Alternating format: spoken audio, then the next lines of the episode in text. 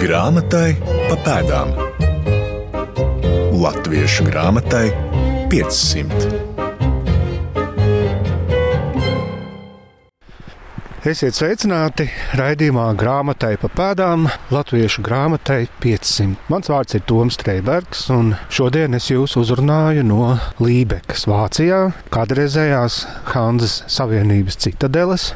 Tieši šajā pilsētā mēs kopīgi iesāksim diezgan plašu un es ceru arī interesantu ceļojumu grāmatniecības vēsturē, kuru soli pa solim turpināsim katru ceturtdienas pēcpusdienu. Tātad, kāpēc tieši Lībeka?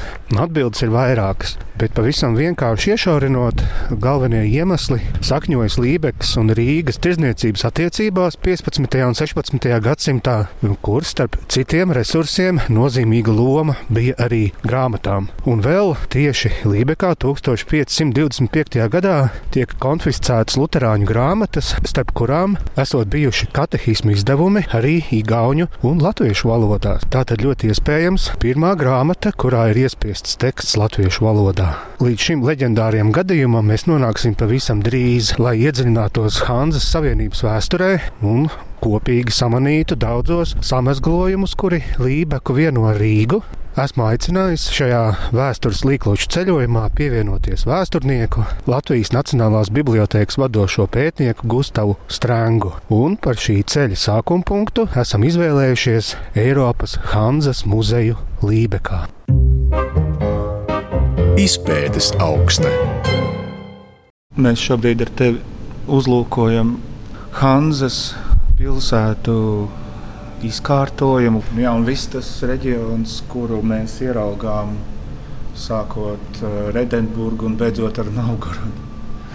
Jā, zini, es uzreiz teikšu, ka nepatīk vārds Hanzas Savienība, jo savā būtībā Hanza ir tīkls. Cilvēku tīkls, preču tīkls, pilsētu tīkls, zināšanu tīkls. Un, uh, arī noteikumu un uh, kopīgas identitātes tīkls. Un tas, ko mēs savā priekšā redzam, šo karti, kas parāda Hanzas telpu, kas aizņem īstenībā lielāko daļu no Ziemeļa un Centrāla Eiropas vēlējos viduslaikos. Tas ir tas uh, reģions, kurā šie visi tīkli pastāvēja. Un, uh, faktiski no šodienas viedokļa skatoties, es teikšu, Hansa tas ir zināšanas. Zināšanas, kur ko var nopirkt un kur ko var izdevīgi pārdot.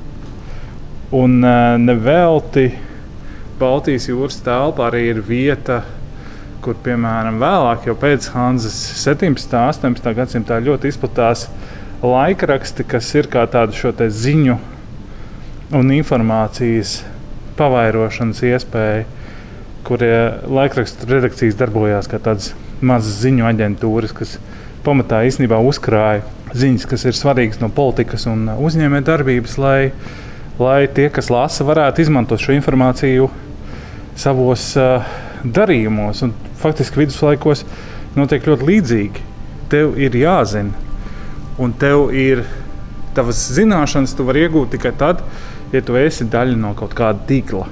Man jāsaka, darbie klausītāji, ka Hanzas muzejs Lībekā, vismaz cik mēs šobrīd esam šo ekspozīciju ieraudzījuši, ir diezgan lielā tumsā. Un ir iegaismota tikai piemēram kāda bruņu cepure, zobens, kurš ir izstādīts pie nu, iespējams tirgotāju kastēm, pie kaut kādām scenogrāfiskām detaļām, un viss ir tiešām diezgan tumšs. Varbūt tā ir metāfora par to, ka nezināšana ir tumsa un zināšanas ir gaisma, jo tas, ko mēs uzzinām, tas gan ir izgaismots. Nu, mēs esam pašā Hanzas sākumā. Mēs šeit eh, ekspozīcijas veidotāji ir izveidojuši tādu, varētu teikt, noskaņu, kas liktu skatītājiem iedomāties, ka viņš atrodas kaut kur pie Novgorodas 12. Eh, gadsimta beigās vai 13.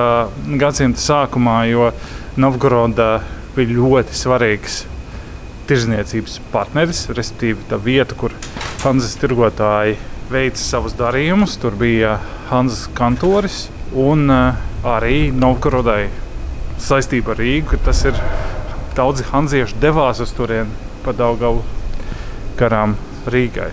Nu, tā mēs lasām, ka saistībā ar Rīgu tās uh, ejošākās preces tirzniecībai bija sāls, uh, tuhe ir uh, Ir audumi, audumi.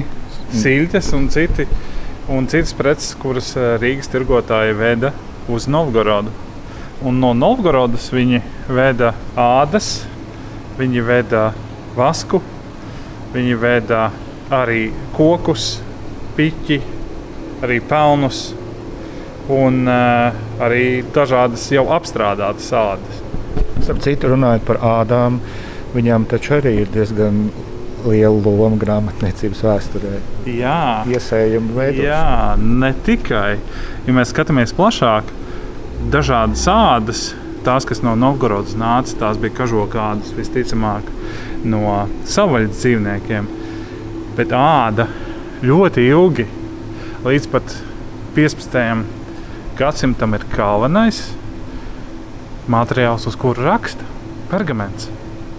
Un, uh, Jā, tas ir tik interesanti, ka pergaments taču īstenībā ir āda. Pergaments ir āda, un, eh, protams, pergamentu darināja no visbiežāk aitu vai kazādas vai lielo pādas. Tie nebija savvaļas dzīvnieki, bet uh, neapšaubāmi te mēs pieskaramies grāmatas materiālitātei. Grāmata vienmēr ir bijusi saistīta ar uh, tirdzniecību, saistīta ar to, ka līdz brīdim, kad uz šīm lapām tiek uzrakstīts vai kaut kas uzdrukāts, ir bijis ļoti garš un ilgs process, lai šo materiālu radītu. Vienalga, tas ir pergaments vai papīrs. Un eh, neapšaubāmi šajā procesā ir līdz tam brīdim, kamēr tā kļūst par intelektuālu lietu, kā grāmata kā tāda, ir bijuši iesaistīti neskaitāmi cilvēki. Daži no viņiem ir nopelnījuši, daži no viņiem ir ļoti smagi strādājuši. Ja domājam par 15. gadsimta beigu vai 16. gadsimta sākumu, grāmatas piestavēm tā nebija patīkama vide, kurā strādāt. Īpaši, ja no metāla tika lieti burti, tur izdalījās dažādi toksiski dūmi un vielas, un arī notika bieži nelaimes gadījumi. Tas bija patiesībā milzīgs fizisks darbs, lai nonāktu līdz grāmatai. Tā ir ļoti interesanta piebilde, kuru tu piemini. Jo, nu, droši vien es arī nedaudz no raidījuma kāpēc īši runāšu, bet šķiet, ka teiksim, tāda industriāla darba piemērs ir kaut kāda kuģu būve, vai arī tu jau pieminēji metālu, kad nezinu, lieti, tilti vai konstrukcijas. Un, un par grāmatām šķiet, nu, kas tur pieiet, pagriež to Gutenberga mašīnu.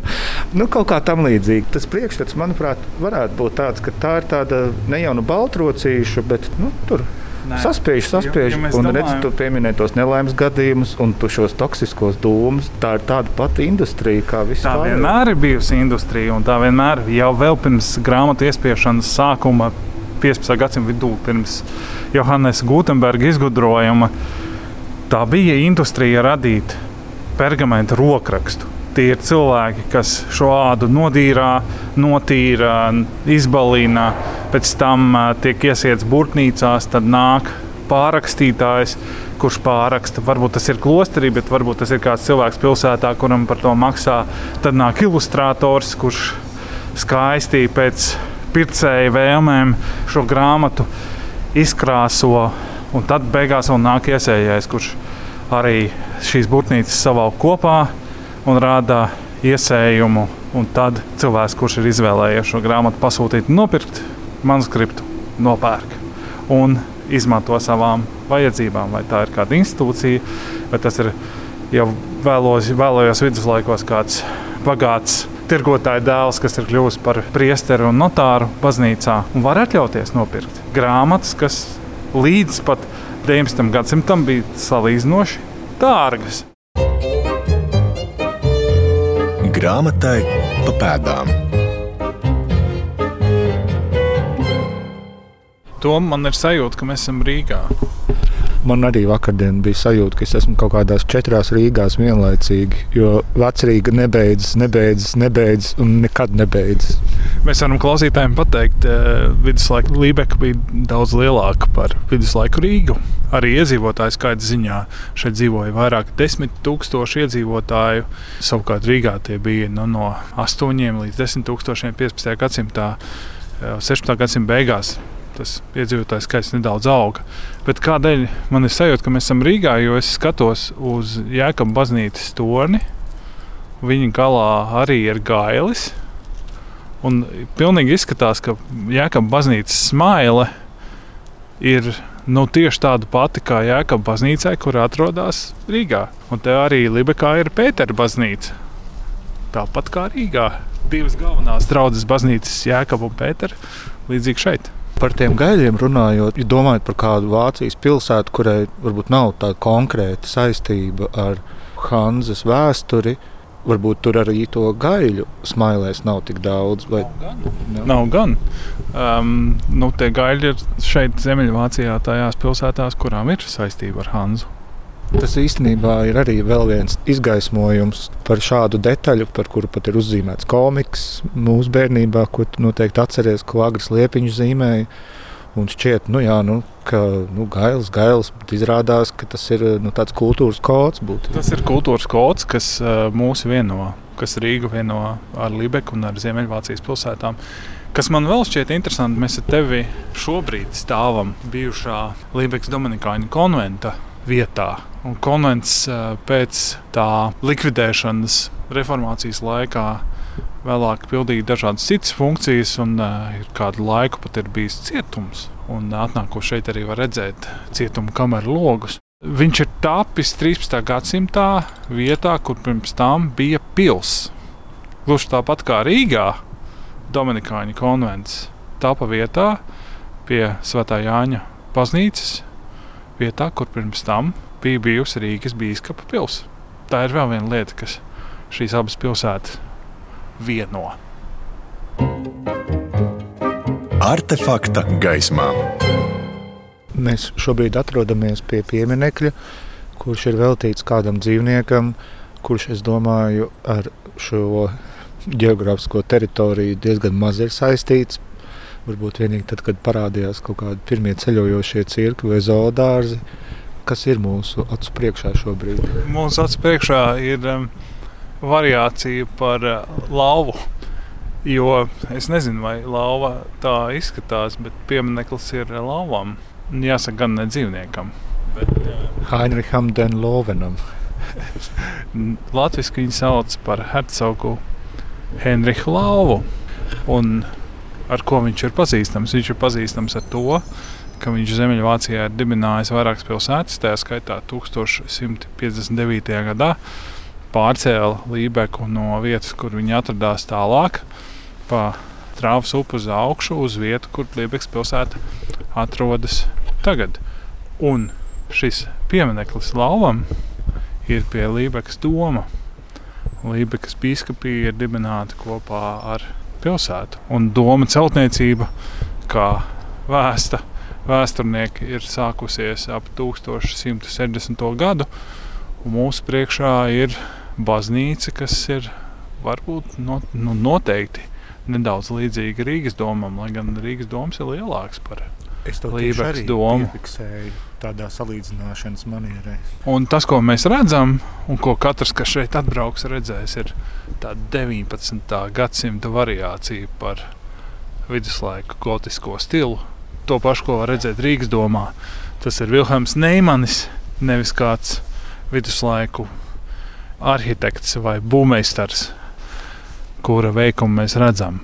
Patiesībā, ja mēs domājam par grāmatām, tad Lībekas domas un Domkapitula vēlme radīt izglītību liecina arī par vēlo viduslaiku rakstīto kultūru gan latīņu, gan viduslaikvācu valodās. Un Rīga bija daļa no šīs viduslaikvācu valodas rakstītās kultūras, jo Vēlējos viduslaikos visa elite Livonijā runāja viduslaikvācu valodā, tāpat kā ļaudis šeit Lībekā. Un kas ir interesanti, ir tas, ka arī pie Lībekas doma, gluži tāpat kā pie Rīgas doma, bija skola.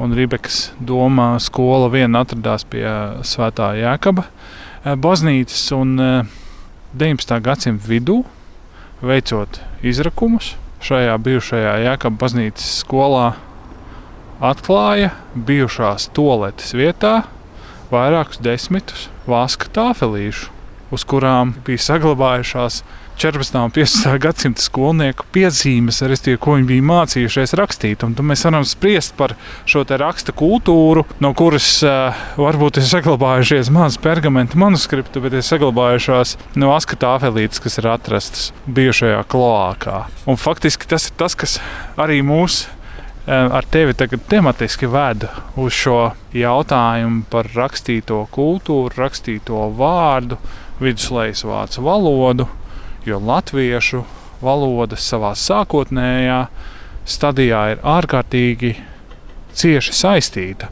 ar viduslaikas vācu valodu.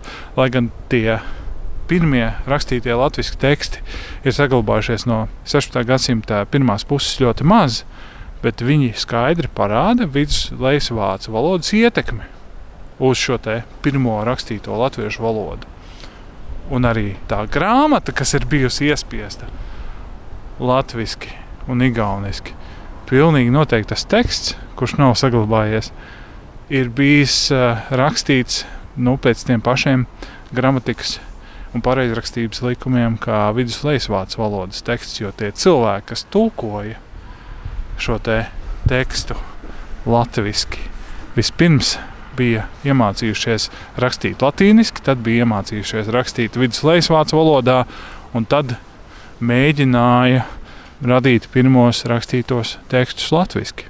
Kāpēc mēs runājam ar tevi par uh, pirmo iespiesto grāmatu latviešu un igauniski, un arī iespējams leisvācu valodā, kas bija domāta Livonijai šeit, pie Lībekas doma? Jo visas šīs leģendas par to, ka pirmā grāmata latviešu ir iespiesta 1525. gadā, pamatā ir Lībekas doma dekāna Johannesa Branda protokoli, kurus, vai teiksim, tādas dienas grāmatu, kur viņš rakstīja no 1523. līdz 1530. gadam. Dzīvodams šeit, Lībekas doma kapitula ēkās, un tas bija viņa piezīmes par pilsētā notiekošo. Tas ir reformācijas laiks, Lībekas rāte, un Lībekas pilsēta vēl nav nolēmusi, kurā pusē nostāties, Johannes Brandes pieraksta visu notiekošo. Un viņa šajā dienas grāmatas ierakstā no 1525. gada 8.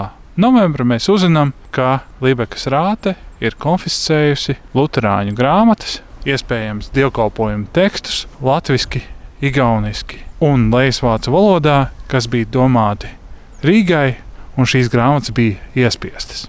Un tad sākas šis ilgais process, kura laikā gan Lībekas rāte ar domu kapitulu palīdzību mēģina nolemt, ko darīt ar šīm Lutāņu grāmatām. Jo, kā arī šajā protokolā Brandes raksta, viņi ir norūpējušies par to, ka šīs grāmatas var dažus cilvēkus novest no ceļa. Tādēļ būtu labi viņas aizturēt, iespējams, iznīcināt. Bet uh, šīs grāmatas noteikti nenonāca Lībekas domā, bet šīs garīgās institūcijas pārstāvji bija klāt grāmatu likteņa izlemšanā. Mēs svinam liecību par pirmo tekstu, kā grāmatas veidolā, kas tā vai citādi ir saistāms ar latviešu valodu, kā mēs to šodien varam iztēloties. Mēs svinam liecību, mēs svinam to, ka tas ir brīdis, reformācijas laiks, kurā parādās vajadzība radīt un pavairot tekstu latviešu vai igauniski mazajās tautas valodās Livonijā, kurā radās vajadzība pēc dievkalpojumu tekstiem, pēc dziesmu tekstiem. Šī grāmata, kas visticamāk bija iespiesta Vitsenburgā un bija nonākusi šeit, Lībekā, ar kāda tirgotāja palīdzību, un arī ir zināms, jo Hannes Brandes to arī raksta, ka tirgotājs gribēja tās grāmatas sūtīt uz Rīgu un bija jau gatavs doties ceļā, pirms viņu ar visām grāmatām pārtvēra. Viņas e, bija tapušas, varētu teikt, tādā noteiktā cilvēku lokā, kas bija Andrejs Knopkins, Rīgas Lutāņu sludinātājs, kuram bija cieša saistība.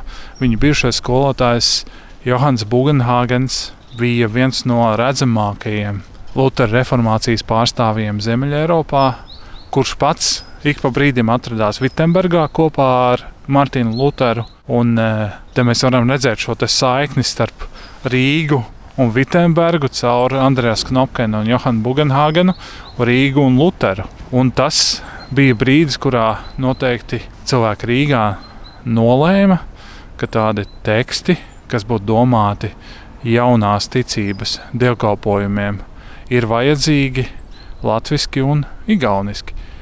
Kā šie teksti izskatījās, kā skanēja šī valoda, mēs nekad neuzzināsim. Un arī te radās jautājums, vai pirms tam latviešu arī bija rakstīti teksti. Visticamāk, iespējas teksts nebija, bet vai bija rakstīti? Te mēs varam teikt, noteikti. Tikai tā teksta kultūra nav saglabājusies. Ir gājis bojā. Ir kaut kādas piezīmes, kas ir no alus nesēju un nesēju brālību grāmatām, kur ir pierakstīti gan personu pavārdi latviešu, vai arī pierakstīti dažādas frāzes, bet nav saglabājušies garāki teksti. Tas, ko mēs droši varam teikt, pat ja tā pirmā iespiestā grāmata, kuru gribēja vest uz Rīgu un te konfiscēja un kaut kādā veidā nozūmēja, nav saglabājusies, tad skaidrs, ka pēc reformācijas ap 1505. līdz 1530. gadam Rīgā tapa teksti latviešu valodā. nu, doma zvans skan kā apstiprinājums tevis teiktajam. Tā teikt, jā.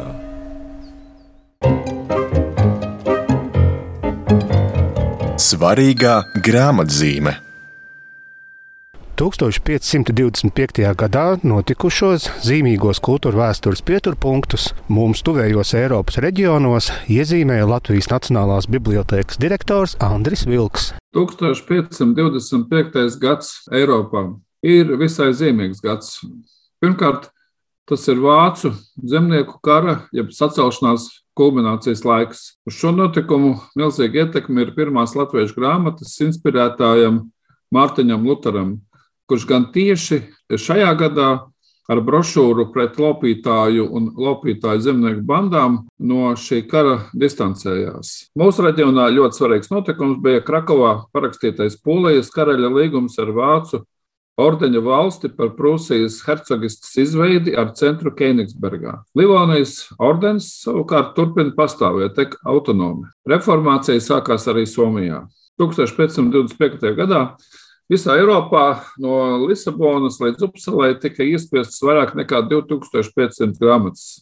Visvairāk Mārtiņu Lutera un viņa domu biedru, kā arī oponentu sacerējumi. Tā skaitā Rīgas Svētā Pētera baznīcas mācītāja Andrēsa Knopkena vēstules romiešiem, kas tika iespiestas Strāsburā.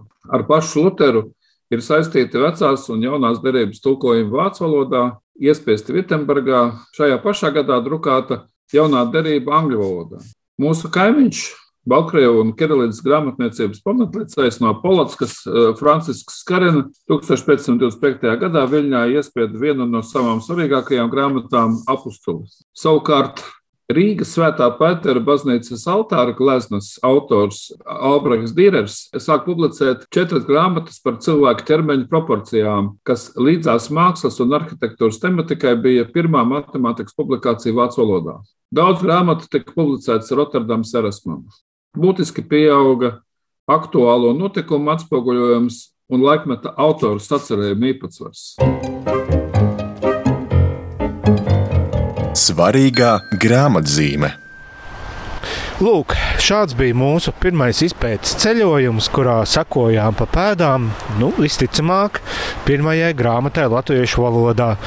Un saku lielu paldies savam ceļbiedram, Latvijas Nacionālās bibliotēkas vadošajam pētniekam, vēsturniekam Gustavam Strangam bet par to, kā mūsdienās šifrējam Rīgas misāles, proti, dievkalpojumu grāmatas tekstus, un kāda tiem saistība ar Rīgas doma dzīvi 15. gadsimta otrajā pusē, interesēsimies nākamajā raidījumā. Par šīs epizodes labskaņu rūpējās Reinis Budze, to producēja Santa Lauga, redaktora postenī, un ar jums sarunājās Toms Strēbergs, un ar padomu palīdzēja Latvijas Nacionālā bibliotēka.